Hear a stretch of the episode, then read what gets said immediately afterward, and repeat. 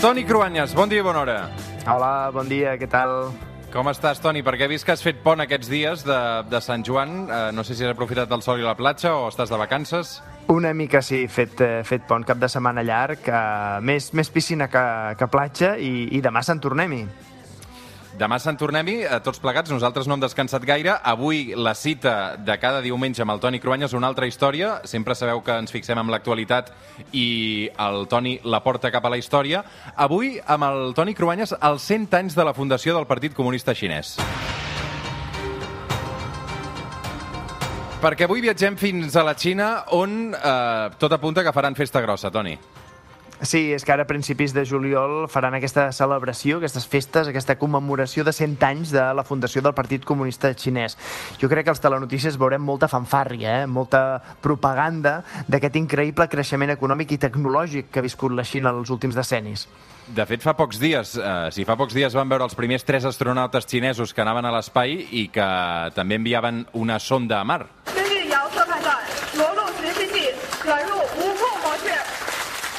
Brutal, no? Per un país que fa només 50 anys era tan sols agrícola, sense indústria, imagina't. I tot això comandat amb mà de ferro per un partit comunista que de comunista diríem ara mateix que en té ben poc, no? Poques coses comunistes. Anem fins a 100 anys enrere, quan la Xina va seguir les passes, de fet, de Rússia. Perquè, de fet, el que van voler fer els xinesos és copiar l'èxit de la Revolució Russa de 1917 i els ensenyaments de Lenin, no, Toni?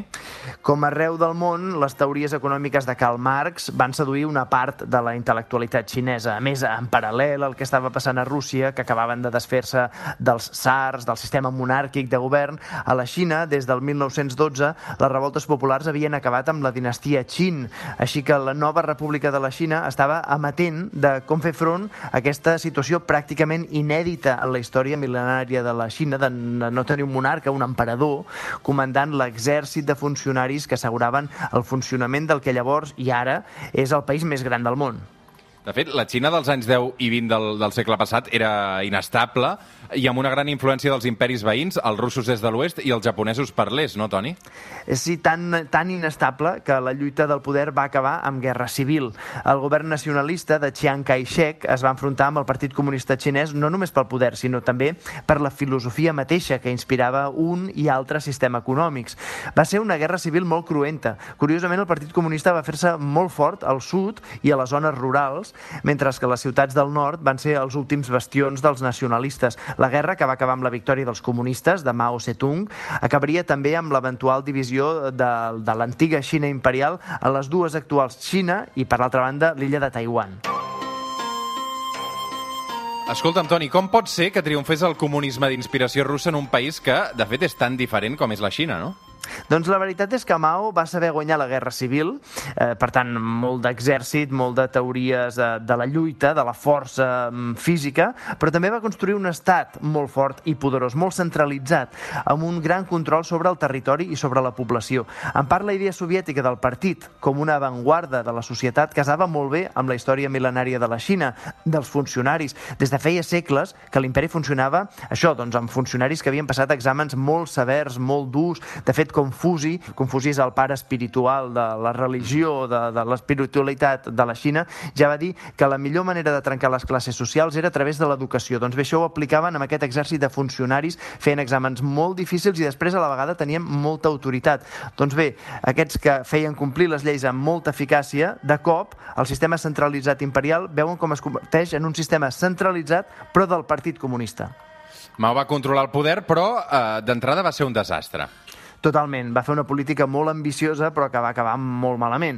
Mao va canviar de cop el sistema de propietat agrícola. Volia modernitzar el sistema econòmic xinès, volia potenciar la industrialització, eh, les ordres centralitzades no responien a les necessitats de cada comunitat, es van obligar els pagesos a fer grans desplaçaments que van acabar en desastres. Hi havia terres que van quedar sense plantar, aliments sense distribuir...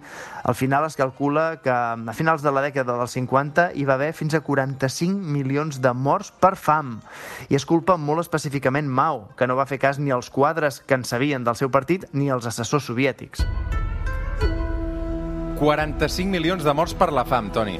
un desastre, un desastre que va obligar Mao a apartar-se de la primera línia del poder, ja que el seu partit es va girar en contra seu. Eh, I és que si deixem el relat aquí, podríem dir que el comunisme xinès i Mao es considerarien al costat de Hitler i de Stalin com els grans butxins en massa del món del segle XX. És a dir, Mao al costat de Hitler i de Stalin, eh? Sí, eh, el que passa és que, a diferència dels altres dos, Mao no va desaparèixer. La seva història no es va acabar aquí. Anys després, quan va sentir-se una altra vegada més fort, des de les bambolines del poder a la Xina, va contraatacar amb la coneguda com a revolució cultural. Es va liar amb les generacions no següents, sinó les següents, és a dir, com amb, amb la, el que serien els seus nets. Es va uh, aliar amb les joventuts del seu partit, es deien guàrdies rojos, que van començar a perseguir tothom que consideraven sospitós de ser capitalista, de defensar idees que posaven en dubte els principis fundacionals comunistes de la propietat privada o el partit únic.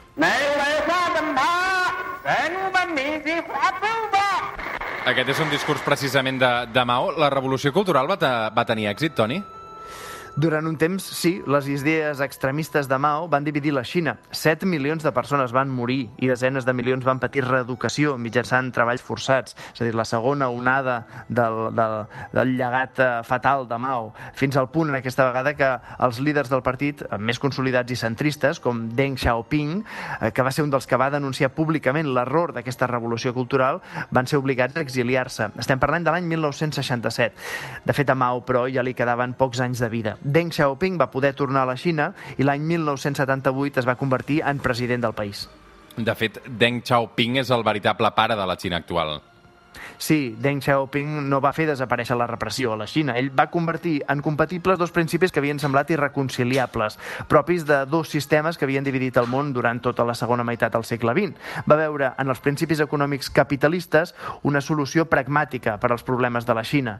No va adoptar la democràcia liberal. De fet, encara ara la Xina és una dictadura claríssima, però només hi ha un partit que no renuncia a la filosofia comunista de fons, però de fet posa per davant el creixement econòmic. Deng Xiaoping va dir que l'important no és si un gat és blanc o és negre, sinó que caci ratolins. Vol dir, tant li fa el capitalisme o el comunisme, l'important és créixer. Els seus crítics també dirien eh, la mateixa teoria del gat si és blanc o és negre. Eh? Diu, tant li fa tot, l'important és mantenir-se ell en el poder, en aquest cas ell i el Partit Comunista Xinès. Clar.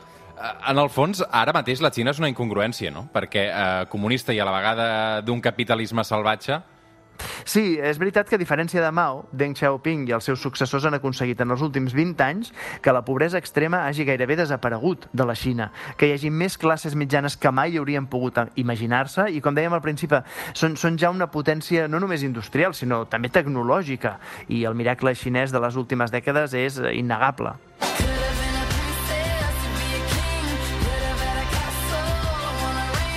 Avui la història del Partit Comunista Xinès que compleix eh, 100 anys amb el Toni Cruanyes. Arribarem a les 9 del matí amb aquesta cançó dels Coldplay, eh, Princess of China, es titula, i, i és Coldplay i Rihanna qui canten, no? Molt bé, doncs amb la princesa de Xina ho deixem. La setmana que ve tornem, eh?